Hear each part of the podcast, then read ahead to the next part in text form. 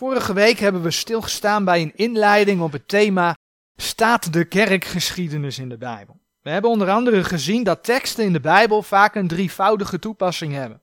Ze zijn historisch, het is zo gebeurd, ze zijn leerstellig, het heeft een specifieke boodschap voor een specifieke persoon of specifieke groep mensen, maar ook kun je er geestelijke lessen uit leren, ook voor vandaag de dag.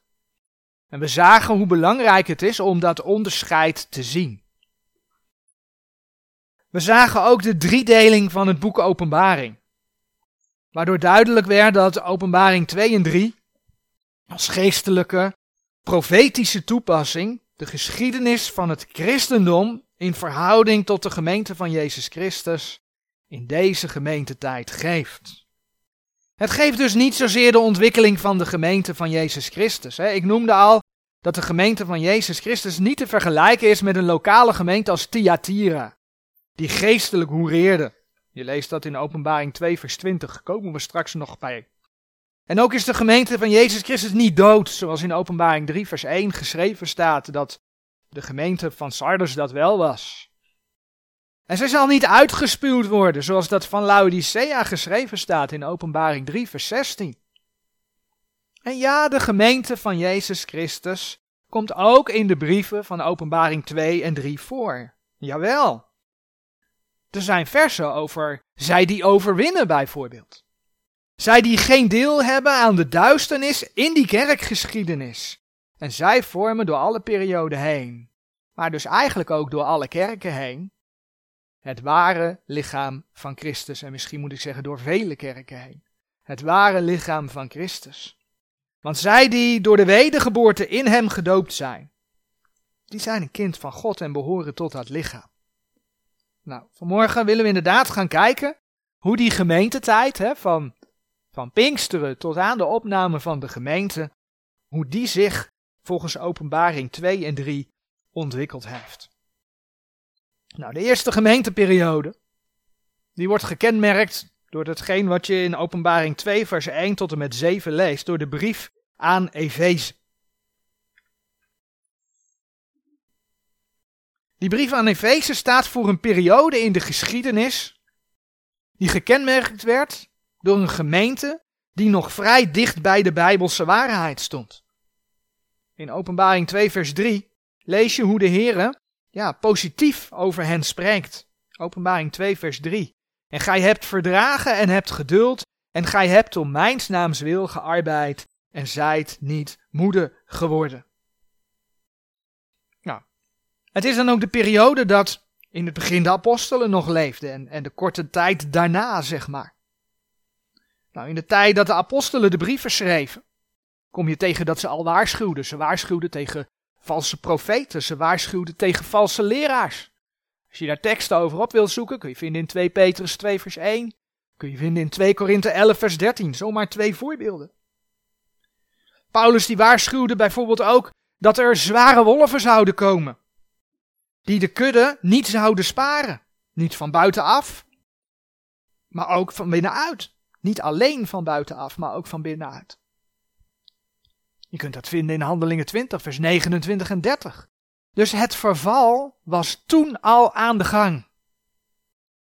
En toch beschrijft de Heer die eerste periode als een tijd ja, waarin velen in de gemeente dat wel herkenden. Openbaring 2, vers 2 zegt: ik weet uw werken en uw arbeid en uw leidzaamheid. En dat gij de kwade niet kunt dragen. En dat gij beproefd hebt degene die uitgeven dat zij apostelen zijn. En zij zijn het niet. En hebt hen leugenaars bevonden. De Heere beoordeelt dat dus als positief. Het kwade niet verdragen en dat ook als leugenachtig bestempelen. En daardoor dus bij de waarheid blijven. Ja, weet je, dat staat haaks op deze tijd. Dat staat haaks op deze tijd. Waarin mensen vinden dat je eigenlijk alles maar goed moet keuren en goed moet vinden. Want ja, weet je, dan kun je tenminste één zijn, hè? Niet één in de waarheid, maar één in, ja, één in gevoel. Dat is het dan eigenlijk. Maar het is dus niet wat God zegt. God prijst deze gemeente omdat zij het kwade niet verdroegen en omdat zij dat leugenachtig bevonden. Die eerste gemeente ging dus nog voor de eenheid in waarheid. Zij beproefden of hetgeen zij hoorden wel uit de Heer was. Nou, zegt de Heer ook in Handelingen 17, vers 11. Dat je aan de schriften toetst of hetgeen gezegd wordt, dat het wel de waarheid is. Nou, daardoor waren ze ook tegen de hoogmoed van een geestelijk systeem. Waarin sprake was van geestelijke en leken. Hè, waarin een geestelijke bovenlaag zou gaan regeren over, zeg maar, het gewone volk. Dat wordt weergegeven in het woord Nicolaïte. En je leest dan ook in Openbaring 2, vers 6 dat die eerste gemeente de Nicolaïten haatte. Zij die, die wilden, heersen als een, als een geestelijke laag over het gewone volk. Nou, de fariseeën in de dagen van de Heer Jezus waren daar een voorbeeld van. Want die, die dachten dat zij de wijsheid in pacht hadden, omdat zij voor de wet van Mozes stonden. Maar ook het Rooms-Katholicisme is daar een voorbeeld van. En laten we wel zijn, binnen het protestantisme zie je dat ook terug. Van de dominee wordt wel beweerd dat hij een profetische gave heeft. En dat hij ook wel, dat wordt ook nog wel eens gezegd, tussen de heren en het volk instaat. Maar als je niet oppast, vind je dat ook onder bijbelgelovigen vandaag de dag. Want ja, als je de opleiding aan de bijbelschool doet, dan kun je leren. En dat vindt men dan belangrijker dan de bijbelse waarheid. Weet je, het is blijkbaar eigen aan de menselijke natuur om je te willen verheffen. Het is niet voor niks dat er zo vaak in Gods woord tegen hoogmoed gewaarschuwd wordt. Nou, de eerste gemeenteperiode werd hier dus nog niet door gekenmerkt. En de Heere laat door die eerste brief aan Efeze dan ook zijn afkeuring over die hoogmoed blijken. Hè? Laten we dat vers lezen, openbaring 2, vers 6. Maar dit hebt gij, dat gij de werken der Nicolaïten haat, welke ik ook haat. God haat dat dus. Dus dat was allemaal positief. Dat was allemaal positief. Toch werd in die, in die eerste periode de kiem van afval van geloof gelegd. In Openbaring 2, vers 4 en 5 lees je het volgende. Maar ik heb tegen u dat gij uw eerste liefde hebt verlaten. Gedenk dan waarvan gij uitgevallen zijt en bekeer u. En doe de eerste werken, en zo niet, ik zal u haastelijk bijkomen en zal uw kandelaar van zijn plaats weren, indien gij u niet bekeert. Men had de eerste liefde verlaten. Hou de hand bij openbaring 2 en 3, want daar komen we zo weer terug. Maar de Heer Jezus noemde het eerste en het grote gebod in Matthäus 22, vers 37. En daar lees je dan. Matthäus 22, vers 37. En Jezus zeide tot hem, Gij zult liefhebben de Heere uw God met geheel uw hart, en met geheel uw ziel, en met geheel uw verstand. Gij zult liefhebben de Heere uw God. Dit is het eerste en het grote gebod. Dus eerst de Heer God liefhebben, en daarna de mens liefhebben. Want dat volgt dan in vers 39. Dat is de volgorde. Vanuit het liefhebben van de Here heb je ook zijn woorden lief. Als je doorbladert naar Johannes 14, vers 23, dan zei de Heer Jezus zo mooi het volgende. Johannes 14, vers 23. Jezus antwoordde en zeide tot hem: Zo iemand mij lief heeft, die zal mijn woord bewaren. En mijn vader zal hem lief hebben, en wij zullen tot hem komen en zullen woning bij hem maken. Ondanks dat ze dus in het begin wisten hoe het zat, ze toetsten aan Gods woord, ze wisten hoe ze konden onderscheiden, ging dus op een gegeven moment de eerste liefde tot de Heer en zijn woord weg. Waardoor mensen en hun leringen belangrijker konden worden. Nou, en wat zie je in, in, al heel vroeg in die, in, die, in die begintijd van de gemeente zie je de zogenaamde kerkvaders opkomen. En die hadden geregeld zo hun eigen visie op de Heere God en op zijn woord. Ja, en daar is bijvoorbeeld die leer der Nicolaïten, de, de, de lagen in de gemeente, de geestelijke laag die heerst over het gewone volk, Die leer is daar ook door ontstaan. De kinderdoop is daardoor ontstaan, want die kom je in de Bijbel niet tegen. En noem maar op. Dus hierin zie je dat als men Gods woord gaat loslaten, die eerste liefde, eerst de Heer en zijn woord. Als je dat gaat loslaten, dan gaat het uiteindelijk niet goed. Dan gaat het uiteindelijk niet goed. En de kerkgeschiedenis, ja, die is daar een voorbeeld van. En in die eerste periode, gemeente van Efeze, werd daar dus de kiem, zeg maar, voor gelegd. Nu gaan we die periode ook jaartallen toekennen. En daar wil ik het volgende over zeggen, want onthoud dat die jaartallen, die staan niet in Gods woord. Met andere woorden, de Heere noemt die jaartallen niet. Dus het feit dat wij daar jaartallen aan toekennen, dat is mensenwerk. Dus blijft gewoon mensenwerk. Toch kun je aan de hand van de gebeurtenissen in die kerkgeschiedenis kun je grenzen aangeven. Want je ziet bepaalde ontwikkelingen en die hebben in een bepaalde tijd plaatsgevonden. Maar doordat de Bijbel zelf de jaartallen niet geeft, kan het wel zijn dat verschillende predikers, ook als je dezelfde Bijbelgelovige basis hebt, dat ze soms verschillende jaartallen noemen. Al naar gelang waar zij in de kerkgeschiedenis de nadruk op leggen, of waar je sommige feiten uit de kerkgeschiedenis plaatst. Feit is dat je op basis van een, nou noem het maar een, bijbelgelovige basis, wel dezelfde ontwikkelingen ziet. Al plaats je soms de jaartallen anders. Feit is, als je dat dan toepast op Efeze, dat je dus ziet dat Efeze nog dicht bij die bijbelse waarheid stond. Maar dat wel de kiem gelegd werd om Gods woord los te laten, waardoor er eigenlijk een, een, een glijdende helling naar beneden ging ontstaan. Afval van geloof. Begon al heel vroeg. Maar nee, dat staat niet in Gods woord. Volgens velen vandaag de dag. Nou, we zullen vandaag zien dat staat wel in Gods woord. Nou, die periode die kun je dateren ongeveer vanaf Pinksteren, want ja, daar begon het natuurlijk, hè. Tot zo'n 100, 200 na Christus. En dat is ongeveer. Kom je bij die eerste christenen, eigenlijk de tweede brief aan Smyrna, dat die in het Romeinse Rijk leefden. Nou, van dat Romeinse Rijk is bekend dat diverse keizers ja, christenvervolgingen in het leven riepen. En in totaal is dat onder met name tien keizers gebeurd in een periode van circa 67 tot 303 na Christus. Een hele bekende is natuurlijk keizer Nero. Keizer Nero, bekend van het in brand steken van Rome. En wie gaf hij de schuld? Dat waren de christenen. Hij gaf de christenen de schuld. En zo bedacht Nero allerlei vrede straffen voor, voor hen die christen waren. Hij liet ze bijvoorbeeld als, als fakkels in zijn tuin in de brand steken. Overgoot ze met was en dan liet hij ze branden. Van de apostel Paulus wordt aangenomen dat hij dus onder Nero ja, onthoofd is. Gedood is met het zwaard.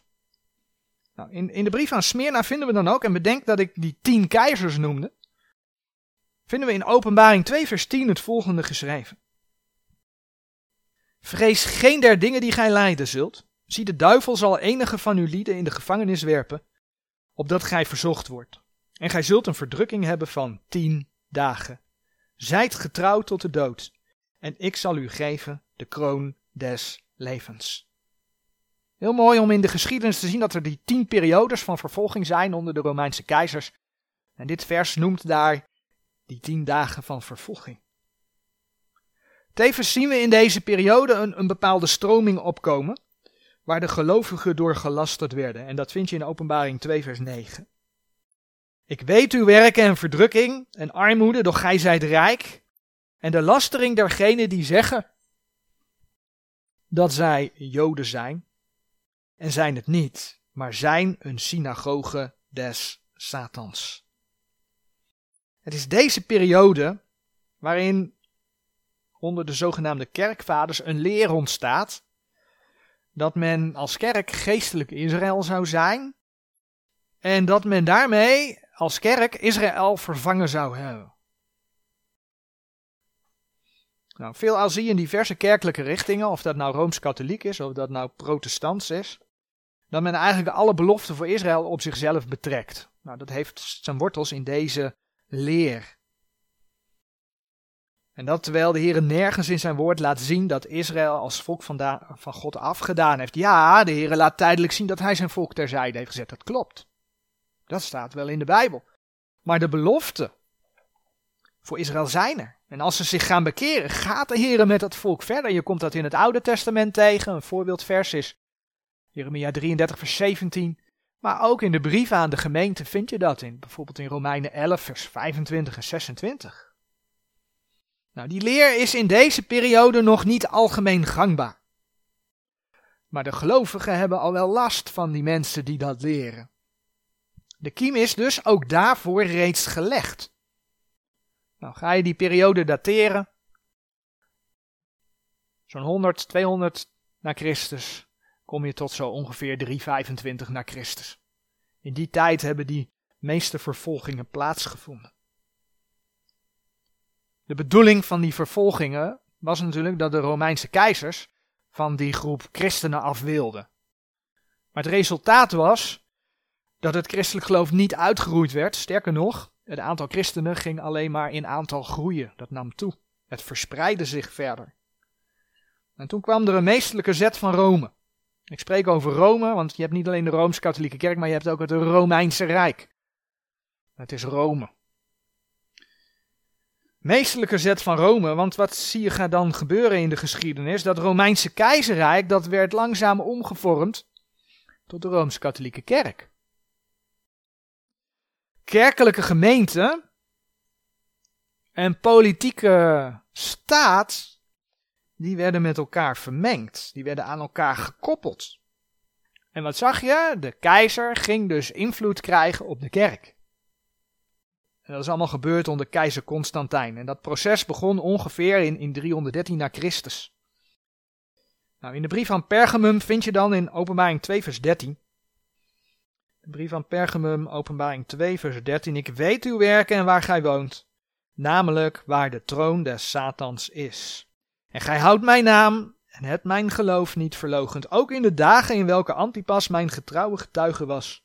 Welke gedood is bij uw lieden waar de Satan woont. Daar waar de gemeente van Jezus Christus samenkwam in verschillende lokale gemeenten, zie je dat hier een kerk ging ontstaan die centraal geleid ging worden. Er ontstond dus een heel groot instituut. En dat centraal geleide systeem, wat dan kerk genoemd werd, ja, dat woonde, dat hebben we net gelezen, waar de troon des Satans was. Dat instituut was dus een vermenging met de wereld. Nou, als de Heer ergens duidelijk in is, dan is dat dat hij geen vermenging wil. Hij wil geen vermenging. De Heer had Israël als voorbeeld gegeven. Deuteronomium 7, vers 3 en 4 laten zien, en er zijn meer teksten van, dat de Heer niet wilde dat Israël zich met de volken ging vermengen, want zouden ze dat doen, zei de Heer, dan gaan jullie de afgoden van de volken na. Krijg je afgoderij. Ze luisterden niet, ze vermengden zich wel. En wat lees je in de Bijbel? Ja, ze gingen de afgoden van de volken na. En de Heer noemt dat dan geestelijke hoererij. Nou, in de brief aan de gemeente, dat vers gaan we lezen, kom je 2 Korinthe 6 vers 16 tegen. 2 Korinthe 6 vers 16. Of wat samenvoeging heeft de tempel gods met de afgoden? Want gij zijt de tempel des levende Gods, gelijkerwijs God gezegd heeft. Ik zal in hen wonen en ik zal onder hen wandelen. En ik zal hun God zijn en zij zullen mij een volk zijn. Wat samenvoeging heeft de tempel Gods met de afgoden? Jacobus 4 vers 4 stelt dat een vriend van de wereld een vijand van God is. Dus het gaat niet samen. De Heere wil geen vermenging. Hij wil zelfs niet dat je gelijkvormig aan de wereld wordt. Romeinen 12, vers 2. Nou, in de geschiedenis zie je dat de lokale gemeente en wereld, ja, die werden vermengd. En het gevolg daarvan lees je in Openbaring 2, vers 14. Openbaring 2, vers 14. Maar ik heb enige weinige dingen tegen u, dat gij al daar hebt die de lering van Biliam houden, die Balak leerde de kinderen Israëls een aanstoot voor te werpen, opdat zij zouden afgodenoffer eten en hoereren. Nou, als je wil weten wat die leer van Biliam is, dan kun je dat opzoeken in Gods woord. Kun je vinden in nummer, nummer 25 vers 1 tot en met nummer 31 vers 16. Dus openbaring 2 vers 13 zegt dat men de naam van de Heer Jezus hield, zijn geloof niet verlogende, maar die vermenging met de wereld was wel een stap verder terug. Ja, en het resultaat was die lering van Biliam. Dat was die lering van Biliam. En het komt er dus op neer dat men ertoe aangezet werd om, oh ja, om afgodenoffers te gaan eten. Om hoerij te plegen. En dan zie je dus dat daarin de basis gelegd is voor de Rooms-Katholieke Kerk. Want wat deed de Rooms-Katholieke Kerk? Die ging heidense gebruiken uit een Babylonisch afgodensysteem. Gingen ze gebruiken, daar gingen ze een christelijk sausje overheen doen. Vandaar dat Rome moeder-kindverering heeft, hè, om maar een voorbeeld te noemen. Dat lees je niet in de Bijbel, maar kom je wel bij de heidense religies tegen. En dan noem je het kind Jezus en dan noem je de moeder Maria. En dan probeer je daar een bijbelse draai aan te geven. En zoveel dingen meer. Dingen die de Heer in zijn woord niet leert en er juist tegen waarschuwt. Het Rooms-Katholieke systeem is dat systeem van die geestelijkheid. Nou, wat zie je in deze tijd? Die leer der Nicolaïten komt weer naar voren. En niet omdat de gemeente het in die tijd haatte, nee, ze hingen het aan. Vergelijk openbaring 2 vers 6, zoals het in het begin was, toen haatten ze het. Maar met openbaring 2 vers 15. openbaring 2 vers 15 zegt, alzo hebt ook gij die de lering der Nicolaïten haten, het welk ik haat. Zegt de Heer nog een keer. Dus er begon zich een geestelijkheid te onderscheiden die, die heerste over het gewone volk. De keizer werd paus, zullen we maar zeggen. De keizer werd paus. Ja, en dat past goed, hè, binnen dat, die Rooms-Katholieke kerk. Zo zie je dus hoe het niet luisteren naar de Heere God en zijn woord, het loslaten van zijn woord, want daar begon het in Efeze mee. Hoe dat steeds verder afglijdt van zijn woord. En dus van de waarheid. Het leidt dus tot afval van geloof. En niet alleen tot afval van geloof, maar het leidt tot ongeloof. Uiteindelijk zelfs tot afgoderij. Nou, die periode in aanloop naar de Rooms-Katholieke Kerk kun je plaatsen van 325 na Christus tot zo ongeveer 500 na Christus. Nou, en daarna komt dan de periode van de duistere middeleeuwen.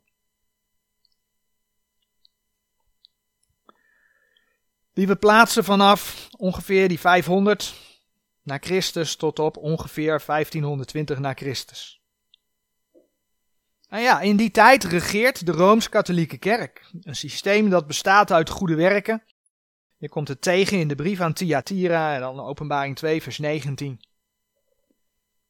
Een periode die ja, dus door die brief aan Thyatira wordt beschreven.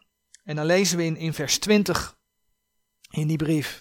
Maar ik heb enige weinige dingen tegen u dat gij de vrouw Izebel, die zichzelf verzegt een profetes te zijn, laat leren en mijn dienstknechten verleiden dat zij hoereren en afgodenoffer eten. Nou, als je in het Oude Testament op zoek gaat naar Izebel, dan zie je dat, dat dat de vrouw van koning Agab was.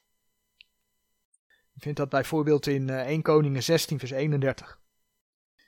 Maar bij Izebel ligt de oorsprong van de Baalverering door Israël. Baal was de zonnegod. Die werd dus door Izebel ingevoerd. En die verering van Baal ging gepaard met priesters, zelfkastijding, afgodsbeelden. Het hele verhaal compleet. In uh, eh, 2 Koningen 9 vers 7.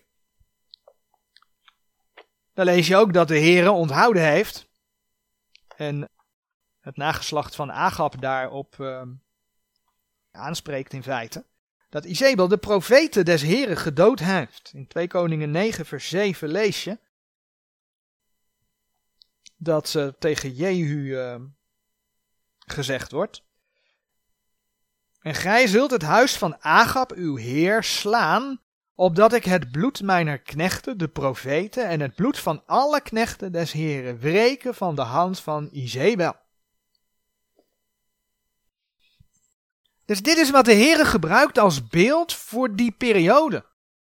Het Rooms-Katholicisme is, zoals eerder genoemd, niet anders dan die heidense Babylonische Baalverering. Met een christelijk sausje.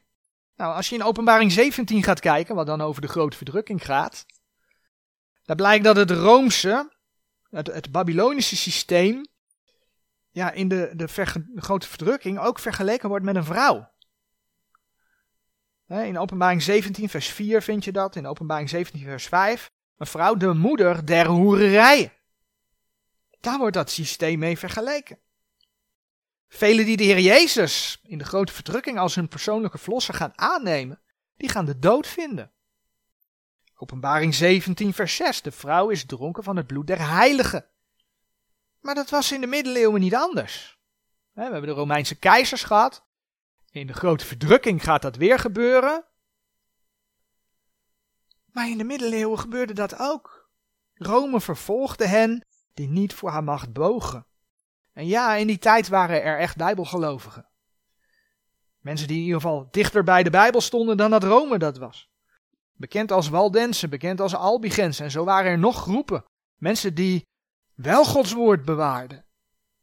En die werden door Rome vervolgd en die werden door Rome vermoord. Nou, dat er in deze tijd mensen waren die los van het Roomse systeem de Here en zijn woord trouw waren, dat kun je ook teruglezen in Openbaring 2. Kijk maar in vers 24 en 25.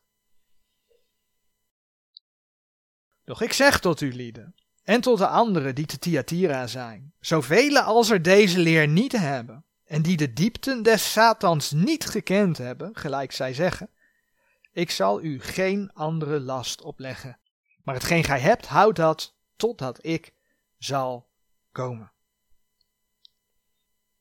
De lokale gemeente van Thyatira kende de diepte des Satans. Toch waren er anderen die de leer van de diepte des Satans niet gekend hebben. Dat is wat daar staat. Dat was de gemeente van Jezus Christus. Ja, en die werd zwaar vervolgd. En een feit wat daar heel goed binnenpast, is wat we lezen in Openbaring 2, vers 22 en 23. Zie, ik werp haar te bed en die met haar overspel bedrijven in grote verdrukking, zo zij zich niet bekeren van hun werken. En haar kinderen zal ik door de dood ombrengen, en al de gemeenten zullen weten dat ik het ben die nieren en harten onderzoek, en ik zal u lieden geven een iegelijk naar uw werken. We lezen daarover ik werp haar te bed en haar kinderen zal ik door de dood ombrengen. Nou, het vers ervoor dat zegt dat de Heer Thyatira tijd gegeven had om zich te bekeren. Zoals de Heer mensen sowieso tijd geeft om zich te bekeren. Hè? 2 Petrus 3 vers 9. Dat is de reden waarom hij niet ingrijpt. Dat had hij Thyatira ook gegeven. Maar zij bekeerde zich niet, staat er dan. En dan zien we de leerstellige verwijzing naar de grote verdrukking naar Gods toren. Maar in de middeleeuwen kwam ook Gods toren. Kregen de mensen daar ook mee te maken. Niet door middel van de grote verdrukking. Maar God stuurde wel de pest. Waardoor velen stierven.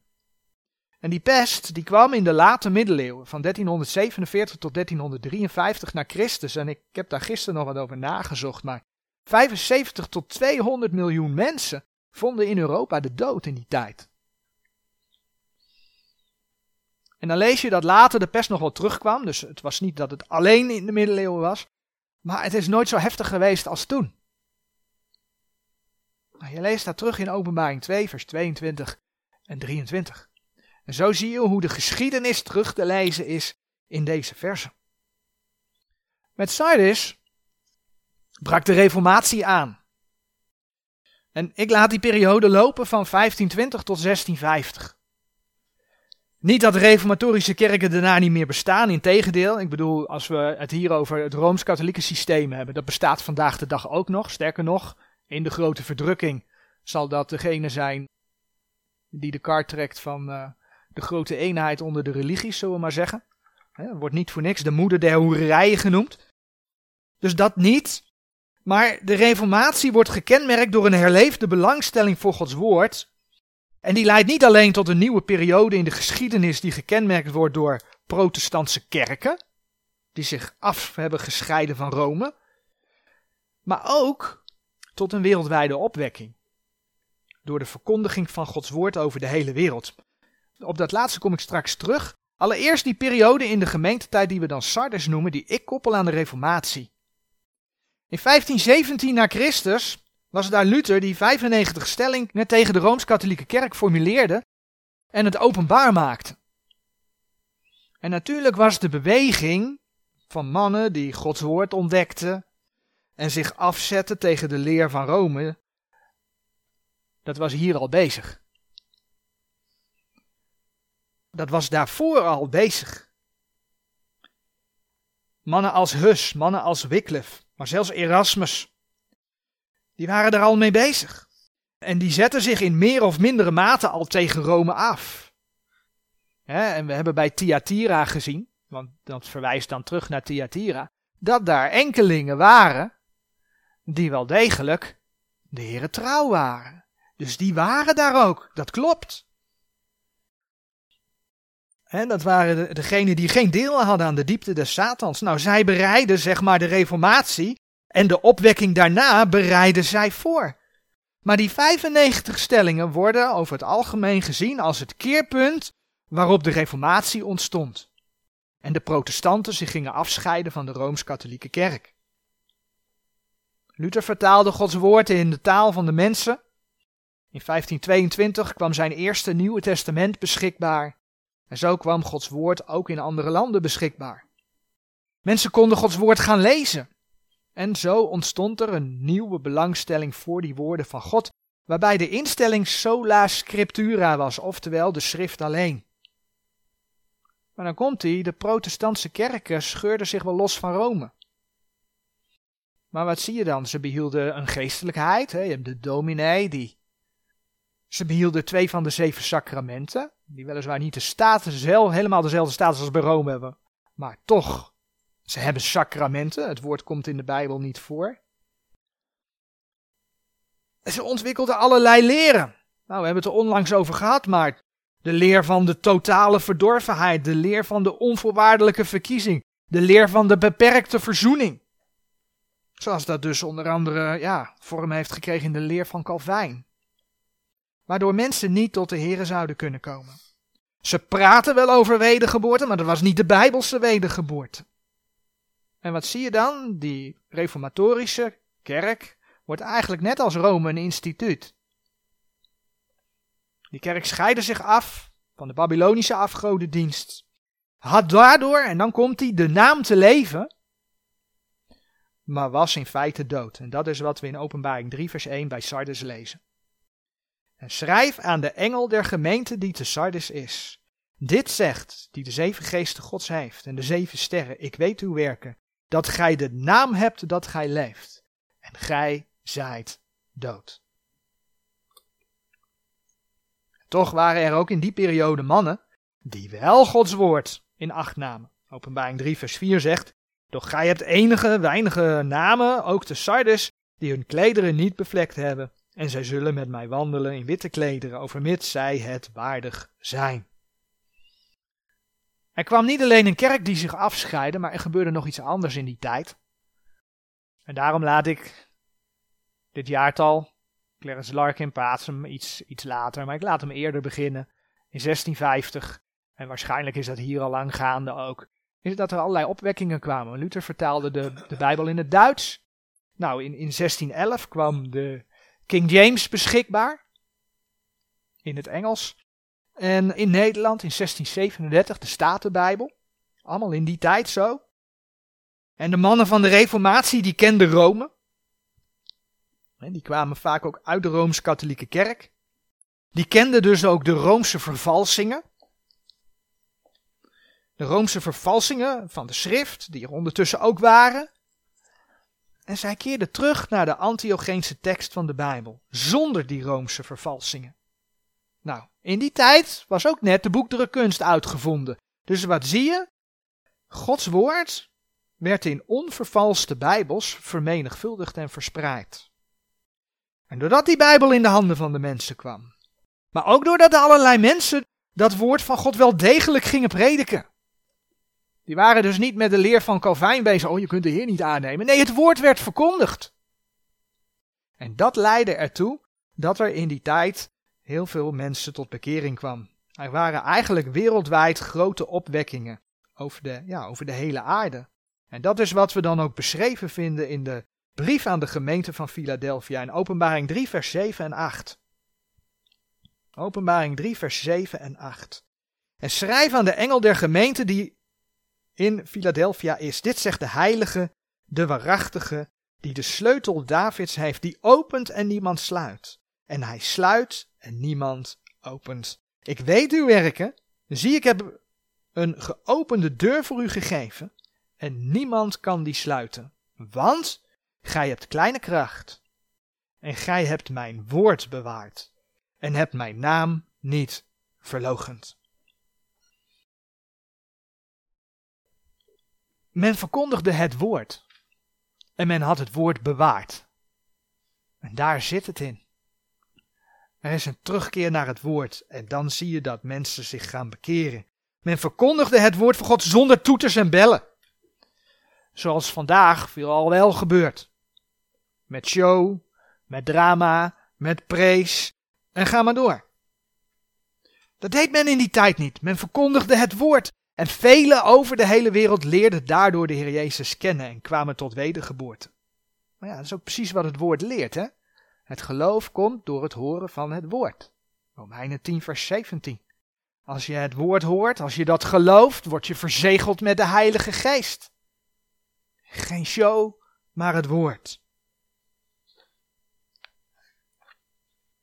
Dus niet allerlei vermaak. Nou, in Philadelphia, als je die brief helemaal in zijn geheel leest, dan zie je dat Philadelphia ook geen verwijt te horen kreeg van de heren. Nou ja, die, die periode kun je dan plaatsen vanaf 1650 tot zo'n 1900. Waarom die datum 1900? Dat is een datum ongeveer. Omdat in 1880 Westcott en Hort kwamen met een vervalste Griekse tekst van het Nieuwe Testament die vanaf die tijd gebruikt is om om de paar jaar nieuwe vertalingen van Gods woord, en nieuwe vervalsingen van Gods woord, zeg maar, in alle talen uit te brengen. En ja, ook dat was hier vooral aan de gang. Tijdens Philadelphia kwamen er mannen, ja, die eigenlijk de schriftkritiek uitvonden. Maar 1880, met het feit dat die nieuwe, nieuwe Griekse tekst verscheen, dat is eigenlijk de datum, dat is het keerpunt weer. Vandaar die datum 1900. Vanaf dan is de afval van het geloof ontstaan door de schriftkritiek. Nou, met name de laatste jaren, de laatste tientallen jaren, wordt heel duidelijk zichtbaar dat we in de tijd van die grote afval leven. 2 Thessalonicense 2 vers 3 schrijft ook dat het een, ja, een teken van de eindtijd is. Dat we weten dat de komst van de Jezus voor zijn gemeente nabij is. Afval van het geloof. Men denkt rijk te zijn. Denk aan de grote shows die gegeven worden de charismatische, charismagische, bewuste verspreking, gaven, de zogenaamde tongen. Ja, de Bijbel spreekt over vreemde talen, maar dat is niet die blibberblabbertaal van de charismaten. Maar wat, hoe noemt de Heer hen? En dat lees je in Openbaring 3, vers 17. Openbaring 3, vers 17. De Heere zegt dat ze denken rijk te zijn, maar ze zijn ellendig en jammerlijk en arm en blind en naakt. Is dat raar? Nee, dat is niet raar. Het is wel naar, maar het is niet raar. Want men heeft namelijk die zuivere Bijbeltekst losgelaten. En zoekt zijn heil bij een vermenging met Griekse filosofie. En die brengt je niet bij Christus. Colossense 2 vers 8. Het is een vers dat hier, we natuurlijk vaker aangehaald, maar dat hoort hierbij. Colossense 2 vers 8. Zie toe dat niemand u als een roof vervoeren door de filosofie en ijdele verleiding, naar de overlevering der mensen, naar de eerste beginselen der wereld. En niet, niet naar Christus. Dat is dus Laodicea, Gods woord losgelaten, afval van geloof, is het resultaat. En wat zien we vandaag de dag? We zien dingen terugkomen uit, uit, uit al die perioden eigenlijk, want we zien vandaag de dag dat de overheid invloed wil hebben op de kerken. Ja. En binnen die kerken is een hele grote wereldgelijkvormigheid in deze dagen. Het draait ook veelal om de mens zelf. Het eigen ik, dat moet een beetje gevoelsmatig gestreeld worden, want dan gaan we tenminste blij naar huis. Voor vijf minuten. Want dan dringt de realiteit weer door. En dat allemaal in plaats dat men de waarheid wil horen. En men verdraagt het kwade. En jaagt daardoor een, ja, een valse gevoelseenheid na. En ja, er is onder mensen die zich christen noemen, want ze horen bij de kerk, dus, dus zijn ze christen. Daar is sprake van ongeloof en afgoderij. Het is gewoon zo. Als je leest wat het Nederlands Bijbelgenootschap over de tekst van de Bijbel publiceert, dan is dat ongeloof. Ze geloven niet dat Jezus letterlijk is opgestaan uit de dood. En iedere keer komt ook weer de discussie: is Jezus nou wel of niet God? Ze geloven het gewoon niet, dus dat is ongeloof, maar ook afgoderij. Hoeveel christenen zijn vandaag de dag niet bezig met yoga? Het is gewoon een vorm van afgoderij. Ja, ook de oefeningen. Ook de oefeningen, want die zijn gericht op het opwekken van de slang in de mens. En de slang, als je dat in de Bijbel gaat opzoeken, is de duivel. Dus dat is waar we in de tijd waarin wij leven. Men feest in de lokale gemeente. Men feest in de lokale gemeente. Denk aan de charismatische Pinkstervarianten van de kerk. Maar de Heer Jezus Christus staat buiten. En dat is Laodicea. Kijk maar in Openbaring 3, vers 20. Waar de Heer Jezus zegt tegen de gemeente Laodicea: Zie, ik sta aan de deur en ik klop. Indien iemand mijn stem zal horen en de deur zal opendoen, ik zal tot hem inkomen en ik zal met hem avondmaal houden en hij met mij. Die brief is geschreven aan de gemeente en de Heer Jezus zegt, zie, ik sta aan de deur en ik klop. Dat betekent dat de Heer buiten de gemeente staat. Over Laodicea staat dan ook geschreven in Openbaring 3 vers 16 dat zij door de Heer uitgespuwd gaat worden.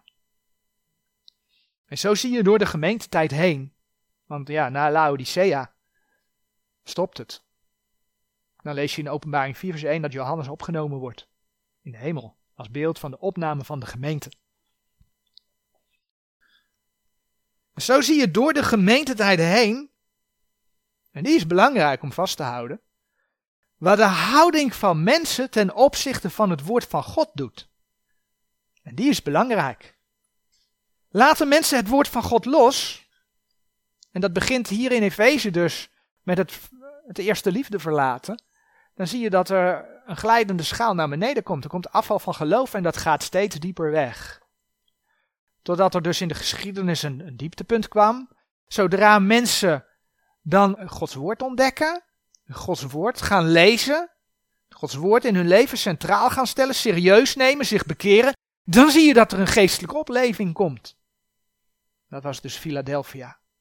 Dan komt er een geestelijke opleving. Maar ja, na Philadelphia komt Laodicea. Mensen hebben Gods woord ingeleverd. Gods woord ingeruild voor eigen theorieën, eigen leren, vervalsingen van Gods woord.